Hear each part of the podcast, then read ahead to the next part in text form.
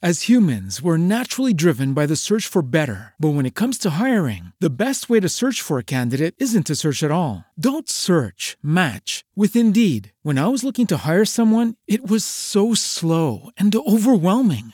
I wish I had used Indeed. If you need to hire, you need Indeed. Indeed is your matching and hiring platform with over 350 million global monthly visitors, according to Indeed data, and a matching engine that helps you find quality candidates fast. Ditch the busy work. Use Indeed for scheduling, screening, and messaging so you can connect with candidates faster. And Indeed doesn't just help you hire faster. 93% of employers agree Indeed delivers the highest quality matches compared to other job sites, according to a recent Indeed survey. And listeners of this show will get a $75 sponsored job credit to get your jobs more visibility at Indeed.com slash podcast. That's Indeed.com slash podcast. Terms and conditions apply. Na, na, na, na. Słuchacie podcastu Buszek i Mateuszek. Hej Mati! No hej. Słuchaj, mam do ciebie dzisiaj bardzo ważne pytanie. I to jest poważne pytanie. Nie żartujemy teraz. Nie, w ogóle nie żartujemy dzisiaj, czy teraz? Nie, no teraz. To ogólnie myślę, że się nie dałoby bez żartów u nas, ale teraz e, chwila poważnego pytania. Gotowy? N- No, nie wiem. Dawaj. Czy ty wiesz, co to znaczy być z siebie dumnym? Trochę wiem, trochę nie wiem, trochę musiałem się tego nauczyć, ale trochę nadal się uczę. To jest moja poważna odpowiedź.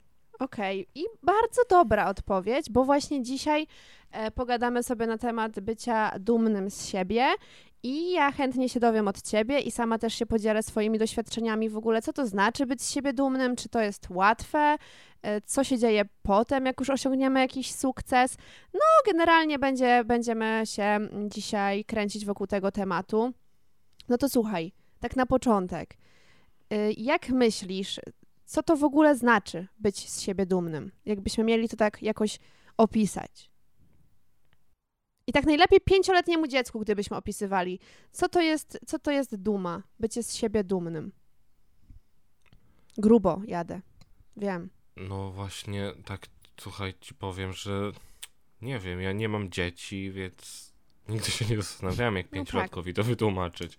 Ale myślę, że bym powiedział coś w stylu duma to jest wtedy, kiedy zrobisz coś i wiesz, że to jest twoja robota i że to była dobra robota i że się z tego cieszysz. Tak bym powiedział. No tak, no tak. I na pewno jest to coś, y, jesteś dumny z siebie, jak zrobiłeś coś, co nie było dla ciebie łatwe, co stanowiło jakiś problem, wyzwanie. No i mimo różnych przeciwności losu, e, bo to się zawsze zdarza, dotrwaliśmy do tego i zrobiliśmy to. I wtedy chyba można powiedzieć, że jesteś z siebie dumnym. Ale myślisz, żebyśmy zainteresowali pięciolatka, jakbyśmy tak zaczęli górnolotnie? Kurczę, ja właśnie mam ten problem, że ja chyba zawsze mówię bardziej górnolotnie niż jest w mojej głowie. I wtedy właśnie wychodzi takie coś. Ale no, no, no słuchaj, no, no tak, no dumnym jesteś z siebie, kiedy na przykład masz cały bałagan, cały pokój jest em, zabałaganiony, a ty, mimo że wolisz oglądać w tym czasie bajki, to idziesz do tego pokoju, bo wiesz, że trzeba mieć najpierw posprzątany pokój i sprzątasz go, mimo że nie jest łatwo, mimo że koledzy przez okno cię wołają. W tych czasach już nikt nie woła przez okno, ale dobra. E, A ty mimo wszystko sprzątasz ten pokój i dopiero jak skończysz, to albo wychodzisz na dwór, albo oglądasz te bajki. No i wtedy możesz być z siebie dumnym. Ja bym tak powiedziała. Dobra, to mi się podoba. To mi się Lepiej. podoba e, lepiej, ale wiesz co, jest jeden jeszcze problem. Żaden No. pięciolatek nas nie słucha. Żaden. Ale może jakaś mama, pięciolatka, albo tata, nigdy nie wiesz? Czyli zmieniamy, e, zmieniamy w ogóle kierunek naszego podcastu. Dzisiaj jako osoby e, bezdzietne. Od dzisiaj będziemy opowiadać o tym, jak wychowywać dzieci. Jak rozmawiać z dziećmi? Tak jest. Ale Mati, my już braliśmy się za tyle tematów, na temat których mamy takie malutkie pojęcie, że ten to jest naprawdę pikuś. Pikuś, bo To ogólnie na prawda. temat rodzicielstwa najwięcej ludzi, najwięcej do powiedzenia mają ci, którzy nie mają dzieci, więc to do nas pasuje idealnie. Ale nie będziemy rozmawiać o dzieciach dzisiaj mimo wszystko, tylko no trochę o nas samych. No i o tej właśnie dumie. No E, właśnie. O tym, czy my umiemy być dumni, a jeżeli nie umiemy, to czemu nie umiemy? I no i co? No ja po prostu mam do ciebie pytanie, po prostu. No, tak no dawaj. najprościej w świecie. Czy teraz jesteś z siebie dumna? Z jakiegoś powodu. Tak właśnie jakoś ostatnio na przykład. Tak, tak. Ostatnio właśnie jestem z siebie bardzo dumna. I to też, e, zanim przejdę do tych szczegółów, to też daje mi taką ogromną radość, takie poczucie spełnienia, bo ja kiedyś, ja kiedyś myślałam, że nigdy nie będę z siebie dumna, z siebie zadowolona, bo patrzyłam na swoje życie jak na takie niekończące się pole wyzwań i generalnie czego nie zrobię, to i tak mogłabym zrobić więcej, lepiej, szybciej. I zawsze siebie po prostu krytykowałam. A od jakiegoś czasu uczę się mm, takiej pracy nad samą sobą, nad lepszym, nad, nad życiem po prostu w lepszej jakości, moim życiem e, wyłącznie. I, i, I uczę się tego właśnie, że, że fajnie jest siebie doceniać i, i korzystać z tej chwili, która się dzieje. Więc tak, na dzisiaj jestem z siebie bardzo dumna. A ty, Mati? No i ogólnie też trochę jestem. Też trochę Ale, jestem. Ale... E, wiesz to nadal się uczę, żeby nie, nie używać tego trochę. Żeby, No właśnie, no żeby właśnie. powiedzieć, jestem z siebie, ale jestem chyba na dobrej drodze. No to powiedz, co Mm. stoi na przeszkodzie najpierw. Że, że, że jednak jest to troszkę, jest to ale. Żeby nie czuć e, tego, że się, nie wiem, przechwalam, żeby nie zapeszyć, żeby nie mówić, że Mhm. jest dobrze, bo wtedy zaraz będzie źle. Wiesz, takie głupie rzeczy. Nic To takiego takich- naprawdę konkretnego. Takie chyba jakby trochę polskie, stare takie przekonania, żeby nie chwalić, nie chwal dnia przed zachodem. Słońca, przecież się mówi, żeby, żeby nie zachwalić tego, co... Ja powiem Ci, że miałam tak samo, że ja wolałam mówić, no jest dobrze, dobrze, niż na przykład powiedzieć, że jest fantastycznie, że po prostu jestem najszczęś- najszczęśliwsza na świecie, bo miałam wrażenie, że z jednej strony godzę trochę w ludzi, którzy nie mają tak dobrze jak ja i, no, i nie chcę się przechwalać, jak w sumie no co takiego fantastycznego się dzieje? No nie wiem, po prostu wstał piękny dzień i mnie to fascynuje. A z drugiej strony miałam takie poczucie, że to się zaraz może skończyć. Że ja tu się chwalę, cieszę, a jak jutro przyjdzie jakaś tragedia, no to co wtedy? Będę musiała mówić, że już nie jest fantastycznie i wolałam nie mówić nic. Ale zmieniłam to. Zmieniłam to, bo, bo, bo wiem, że ci ludzie, którzy życzą innym dobrze tak po prostu, to będą mi życzyć dobrze, a ci, którzy będą mi życzyć źle, zawsze będą mi życzyć źle niezależnie od tego, co się dzieje, e, więc ja tak żyję w prawdzie ze sobą. To brzmi bardzo górnolotnie, ale jak pytasz mnie o dumę, to odpowiadam ci szczerze. Jak spytałbyś mnie o mój stosunek do mojej urody, do mojego charakteru, też powiedziałabym ci prawdę, mimo że może ktoś by uznał to za niewłaściwe. No to w takim razie ja bym chciał, żebyś się pochwaliła nam wszystkim. Ja bym wolała, żebyś. Ty... No dobra. Dla, że ja mam? Że ja mam być pierwszy? No tak, żebyś właśnie, skoro to ty masz z tym taki jakiś problem i, i nie czujesz, że, że powinieneś się chwalić, to tak, ja uważam, że ty powinieneś zacząć i ty się pochwalić, bo uważam, że e, z czegokolwiek jesteś dumny, to super, że jesteś z siebie dumny. I i ja chcę Bo- posłuchać. Nie, bo zaraz, zaraz e, mi się oczka zeszką, jak będziesz tak mówić. Nie, no ale taka jest prawda I, i, i naprawdę tak uważam. I nie umniejszamy sobie i ten podcast jest właśnie o tym, żeby mówić o sobie dobrze. Bo zasługujemy wszyscy na to, i słuchacze, i my, e, żeby było dobrze. Więc słuchamy. Słuchamy, Mati, ciebie. Dobrze. No to taka rzecz, która mi pierwsza mm, przyszła do głowy, jak się przygotowywałem do e, dzisiejszego odcinka, to jest paradoksalnie rzecz. Jestem dumny z siebie, że ta rzecz się skończyła, a to jest rzecz, która mnie nauczyła, jak być z siebie dumnym. Taka trochę łamigłówka, e, ale odpowiedź jest bardzo prosta. Moi drodzy, po dwóch latach prawie zakończyłem terapię. Ale nie zakończyłem, bo mi się na przykład nie podobało, albo zakończyłem, bo nie wiem, nie miałem kasy, albo stwierdziłem, a chuj, tam nic mi to nie daje, e, albo chęci. e, tylko zakończyłem, bo przyszedł na to czas, bo terapia ma swój koniec i moja właśnie miała, bo no bo terapia ma początek i koniec i mój koniec już przyszedł. Moja terapeutka powiedziała, panie Mateuszu, to jest chyba moment, w którym zbliżamy się do końca. I za pierwszym razem, jak to usłyszałem, to mówię, o nie, nie, nie, nie, ja mam jeszcze tutaj listę w zeszycie rzeczy, które trzeba naprawić, a ona mi tak uświadomiła, że to już są rzeczy, które ja już sam muszę naprawić, że Mhm. ona mnie nauczyła jak, t- znaczy ona mnie nauczyła, Mm, ona mi pokazała, a ja się sam nauczyłem. E, o, widzisz, tutaj widzisz, jak się ładnie poprawiłem, że to ja się nauczyłem. Mm, Brawo, i to, jest brawo. taka, to jest taka jedna właśnie rzecz, na kt- której się nauczyłem na terapii, e, że żeby mówić ja zrobiłem coś, zamiast to się samo zrobiło.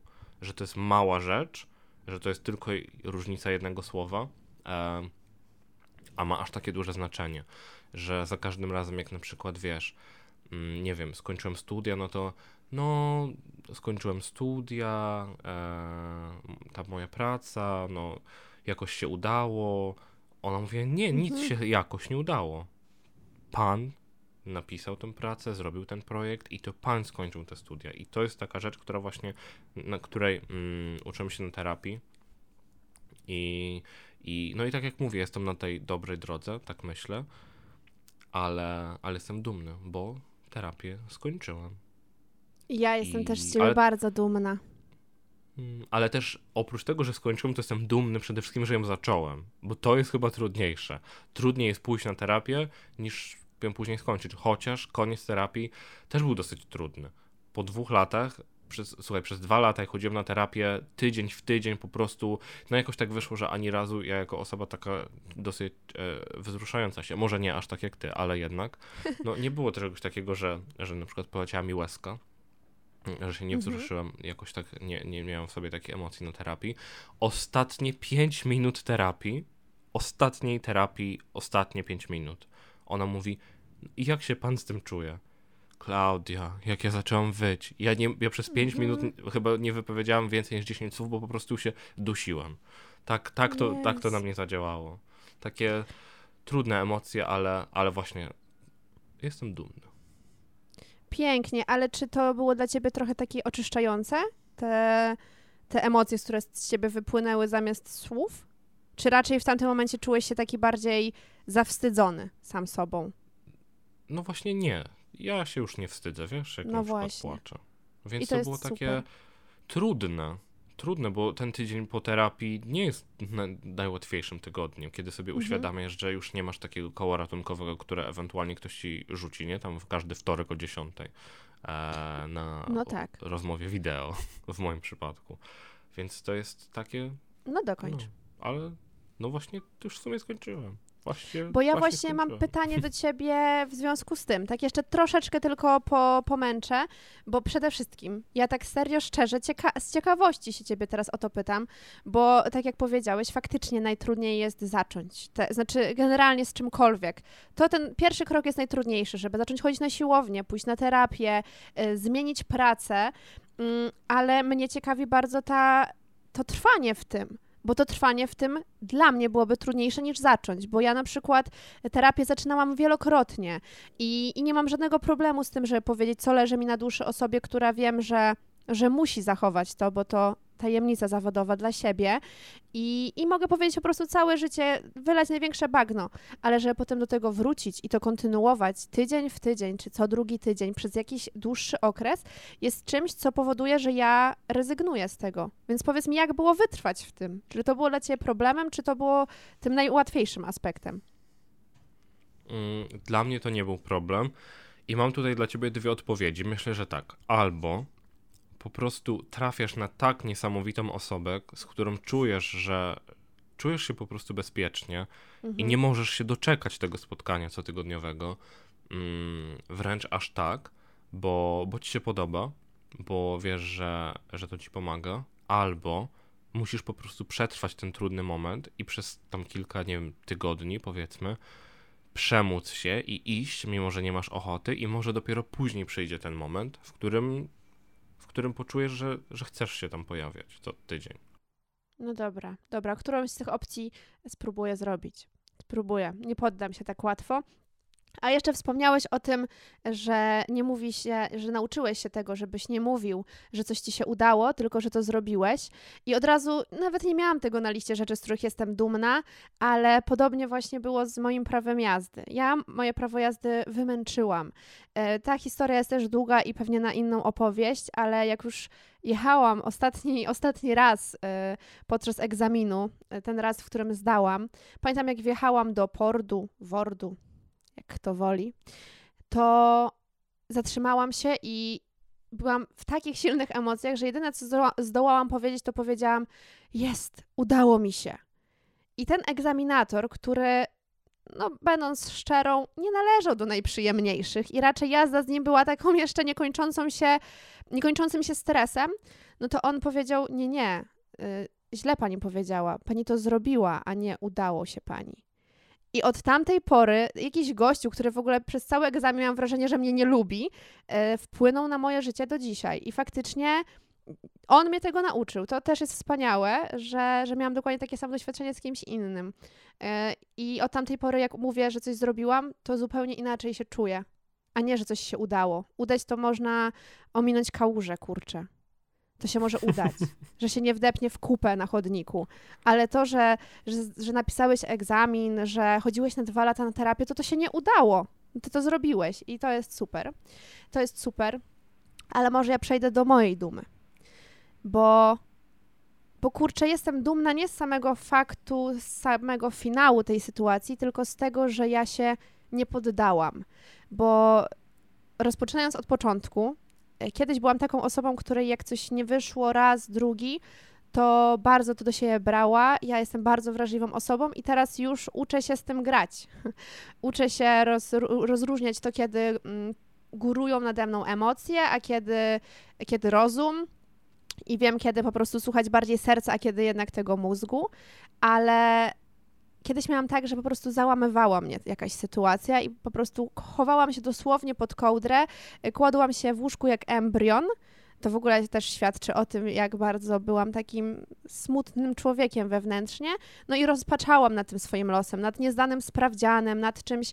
Nawet jak mi się nałożyły dwie imprezy e, jako tam nastolatce tego samego dnia, to ja już rozpaczałam, bo będę musiała dokonać wyboru, komuś sprawię przykrość. I, i strasznie to była dla mnie męczarnia. Ale właśnie to była moja praca nad sobą. I moja magisterka, do której przechodzę, mam wrażenie, że była taką moją lekcją, którą musiałam przeżyć, żeby zrozumieć. Bo wydaje mi się, że życie, w ogóle tak patrzę na życie, że doświadczenia, które cię spotykają, albo cię czegoś nauczą, albo jeszcze bardziej wpędzają w takie poczucie, że od niczego, że wszystko jest zależne od ciebie, że na nic nie masz e, wpływu i są takie dwie drogi, albo droga rozwoju, albo droga takiego umartwiania się w tym, że jest do dupy. Tak ja trochę patrzę na świat. I dla mnie ta magisterka mogła być taką sytuacją, w której się załamuję, w której mówię, że wszyscy chcą dla mnie źle, bo w takim ogromnym skrócie to każdy mail, na który pisałam, był albo bez odpowiedzi, albo z jakąś odpowiedzią w ogóle, jakbym pisała w innym języku. E, moment, w którym miałam się bronić, był w momencie, jak byłam w Polsce. I generalnie po to przyleciałam do Polski, żeby to sfinalizować. Ale do połowy września nie wiedziałam nawet, czy to się uda, a obronę miałam na sam koniec września, więc cały mój pobyt w Polsce to był tak naprawdę jeden wielki stres związany z tą obroną. I nie dlatego, że ten magister przed nazwiskiem jest dla mnie ważny, ani nie dlatego, że tak bardzo chcę być wykształcona, ale dlatego, że w 2018 roku coś zaczęłam i tego nie skończyłam. I moja praca była w większości napisana, ale mój promotor miał dużo poprawek i ja musiałam je nanosić i odsyłać. No, każdy, kto pisał jakąś pracę, wie, jak to wygląda. No tylko, że ja do samego ostatniego dnia, e, jak już miałam wysłać pracę do akceptacji, nadal e, miałam e, taką w głowie nie wiadomo, czy to się w ogóle uda. I tak było do samego ostatniego dnia. I wyobraź sobie, Mati, że ja, jak już wiedziałam, że generalnie się bronię i wiedziałam kiedy, to czegoś mi brakowało. Nie mogłam się skontaktować z dziekanatem, więc stwierdziłam, że tam pojadę.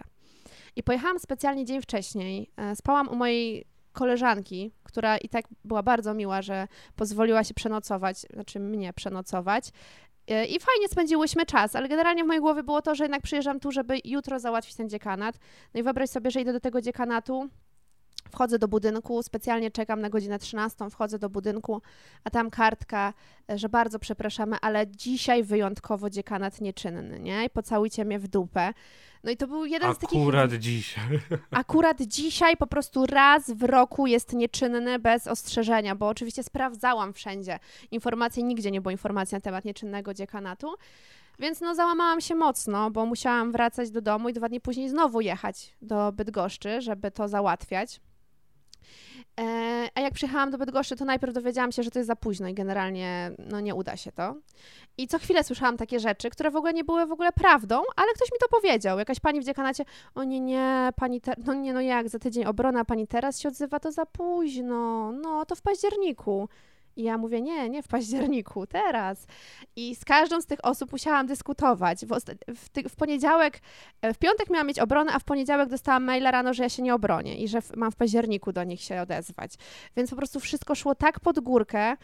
Ja w tym ostatnim tygodniu wymiotowałam z nerwów. To się w moim życiu jeszcze nigdy nie stało. Byłam takim wrakiem człowieka, tak mnie do, doprowadziło do jakichś takich skrajnych emocji tylko dlatego, że to tyle trwało i miałam pod górkę, że myślałam, że nie dam rady, że po prostu to jest znak, że mam przestać. No ale w końcu finalnie się udało. Dosłownie dwa dni przed obroną dostałam maila, że zapraszamy w piątek. I wow, ktoś, kto tego nie doświadczył, pewnie nigdy tego nie zrozumie, ale po raz pierwszy tak naprawdę w życiu zrobiłam coś, do końca, co na każdym etapie sprawiało ogromne trudności. Takie trudności, których ktoś inny nie miał, e, bo nie tylko ja się broniłam. I no, i zrobiłam to. I właśnie nie udało mi się, tylko to zrobiłam. I, I to jest moment, w którym jestem dumna. I nie z tego magistra, bo to nie ma znaczenia, ale z tego, że obiecałam coś sobie, postanowiłam i dwa lata później, bo ja skończyłam studia dwa lata temu, dwa lata po, jakby nadal miałam to w głowie i do tego wróciłam. Ludzie rzadko no nie chcę generalizować, ale bardzo często słyszałam od znajomych, że, że, dzisiaj, że dzisiaj jeszcze chcę, tyle czasu minęło, olej to, to nie ma znaczenia, też mam magistra i co, nic mi to nie daje, nie mam lepszej pracy i tak, no podcinano mi te skrzydła, ale ja się uparłam, że po coś to zrobiłam i dopnę swego. No i dopięłam i, i fajnie. Super fajnie. I to już nawet nie chodzi właśnie tak jak mówisz o o, o to, że jesteś teraz, wiesz, że masz, możesz sobie napisać magister e, przed imieniem, tylko o to, że jak bardzo siedziało ci to w głowie, siedziało ci to po prostu na barkach przez te lata i jak bardzo stwierdził, że chcesz zadbać o siebie i się pozbyć tego ciężaru, żeby po prostu było Właśnie. ciężej. Dokładnie, dokładnie jest tak, jak mówisz, że że ja czułam cały czas na barkach ten ciężar, że cokolwiek robiłam, e, to też jest ciekawe, że na przykład chciałam czytać książkę i czytając książkę jakąś dla siebie, miałam takie poczucie, że marnuję ten czas, że powinnam go spędzić nad pracą, że nie mogę teraz spędzać miło czasu, bo mam obowiązek na głowie, który mam skończyć. I strasznie mi to się działo na głowie. No i oczywiście przez to, że mieszkam w Szkocji, e, zdanie tego egzaminu było wyjątkowo trudne, bo musiałam zgrać loty, pobyt w Polsce, pracę lub jej brak. No wiele rzeczy musiało po prostu się zgrać, żeby to się udało, więc to głównie dlatego jestem dumna, że mimo tych wszystkich trudności to się udało coś zrobić. Widzisz, może tę historię by też zrozumiał pięciolatek. Albo może, pięciolatka. Może jak nas jakiś słucha, to no. no dobra, ale czy ty jesteś jeszcze z czegoś dumny z siebie? Na pewno jesteś. Tak. Słuchaj, wyobraź sobie to. Mateusz, lat, nie wiem, 14, tak myślę około. Wchodzi w etap takiego dorastania i takiego e, wybierania sobie, świadomie lub nieświadomie, tego, co mu się podoba, jeżeli chodzi o wygląd i, i wiesz, o prezentację. No i podobały mi się tatuaże, kolczyki. I pamiętam, że moim ogromnym marzeniem, jak byłem już trochę starszy, było to, żeby zrobić sobie kolczyk w nosie. Po prostu dla mnie to była kwintesencja bycia osobą cool. Ja marzyłem o kolczyku w nosie. Tym nie tak jak ty masz z boku, tylko to, to się nazywa septum, czyli ten jakby mhm. ten krowi taki. No ale nie, byłem niepełnoletni, oczywiście to się spotkało z no, niezadowoleniem moich rodziców, że nie, w ogóle nie ma takiej opcji, będę wyglądał jak krowa, kto sobie robi takie rzeczy, w ogóle nie, nie, nie, do szkoły pewnie i tak bym nie mógł tego nosić. I tak to, tak to we mnie zostało mega zgaszone. Na wiele, wiele lat, ale przy, właściwie nie zgaszone, przygaszone. Bo ten ostatni węgielek gdzieś tam się we mnie tlił.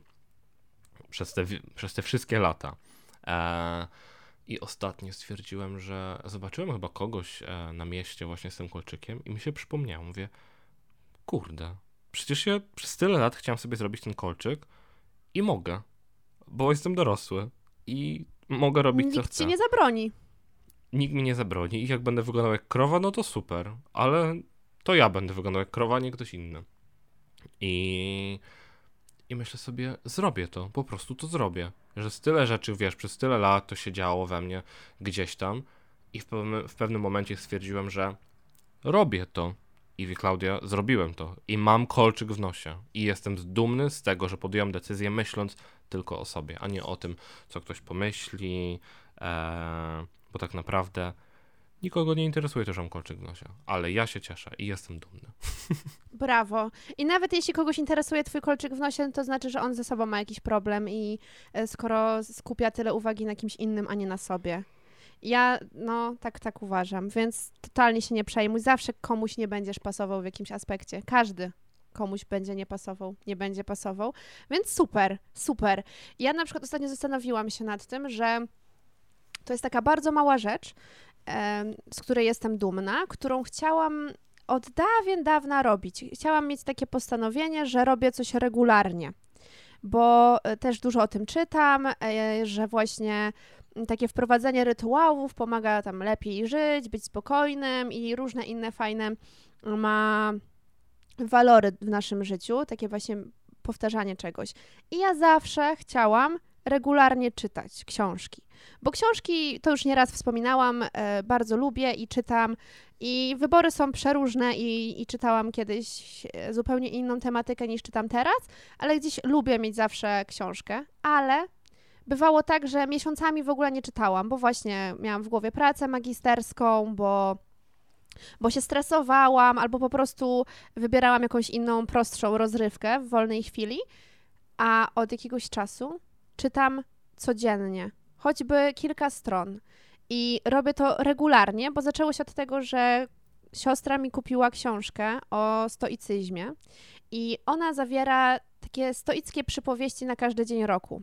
I to mnie motywuje, żeby codziennie to za, do tego zajrzeć, a jak już przeczytam tę stronę, to jest mi mało i zaczynam sięgać po książki, które, które czytam e, poza nią i jest mi z tym super, y, bo robię to dla siebie, absolutnie nie dla nikogo innego, ale lubię codziennie coś przeczytać, zamiast przeglądać Instagrama albo robić, nie wiem, leżeć i oglądać filmy.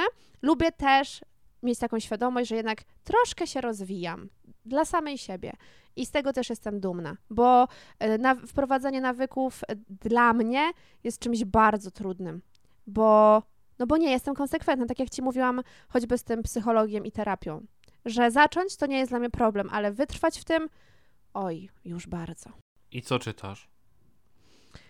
Ojeny, to wiesz co, myślę, że to są tematy, ja najpierw muszę Ciebie z tym oswoić, a potem będę Cię oswajać tu przy wszystkich, ale generalnie czytam dużo o, teraz o szczęściu, o radości, e, czytam rozmowy Dalaj Lamy z biskupem e, chrześcijańskim, ale afrykańskim i są to przepiękne, przepiękne opowieści, przepiękne historie.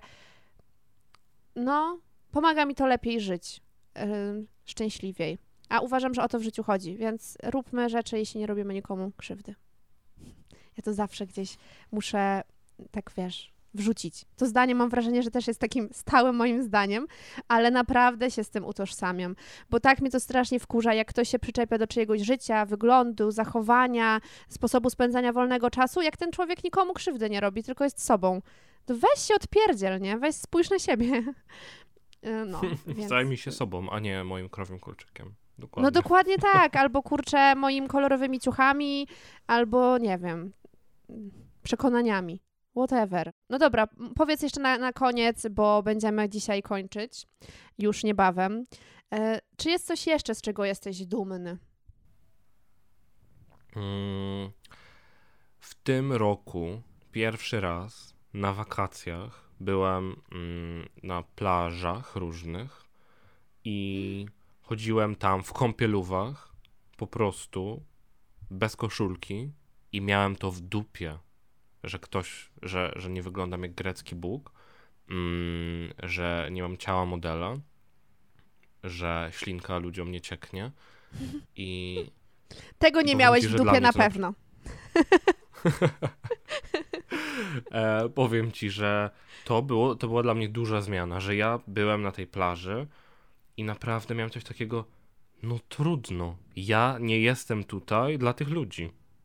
Ja nie muszę się Tak. nikomu podobać. Ja tu jestem, Tak. żeby mieć fan. I to tak, było dla mnie na naprawdę wakacjach. trudne. Wow. I no, naprawdę, to było coś takiego, że, że pod koniec mm, wakacji miałem taki, taki uśmieszek na, na swojej, Jej. e, do siebie, że fajnie.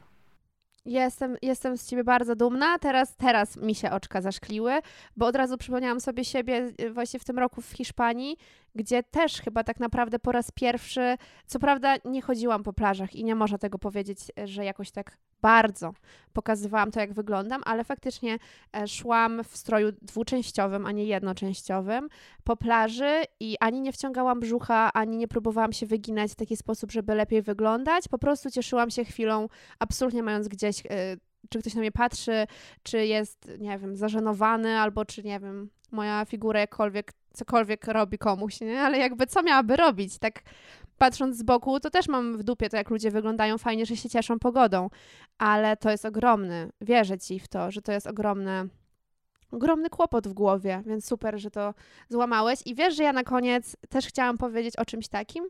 Nie wiem, no nie, nie zgadywaliśmy się absolutnie, nie byliśmy na to umówieni, ale zauważyłam, to jest taka zmiana też bardziej długofalowa, że no znowu wracam do siebie z kiedyś, ale miałam tak, że bardzo nie lubiłam swojego ciała, bardzo mi ono przeszkadzało, zarówno to, że miałam zawsze problemy z cerą i to były takie ni to duże, ni to małe problemy z cerą. Nie miałam jakiegoś wielkiego trądziku, ale zawsze coś się działo, e, tak, że po prostu było to widoczne. To nie był jeden pryszcz.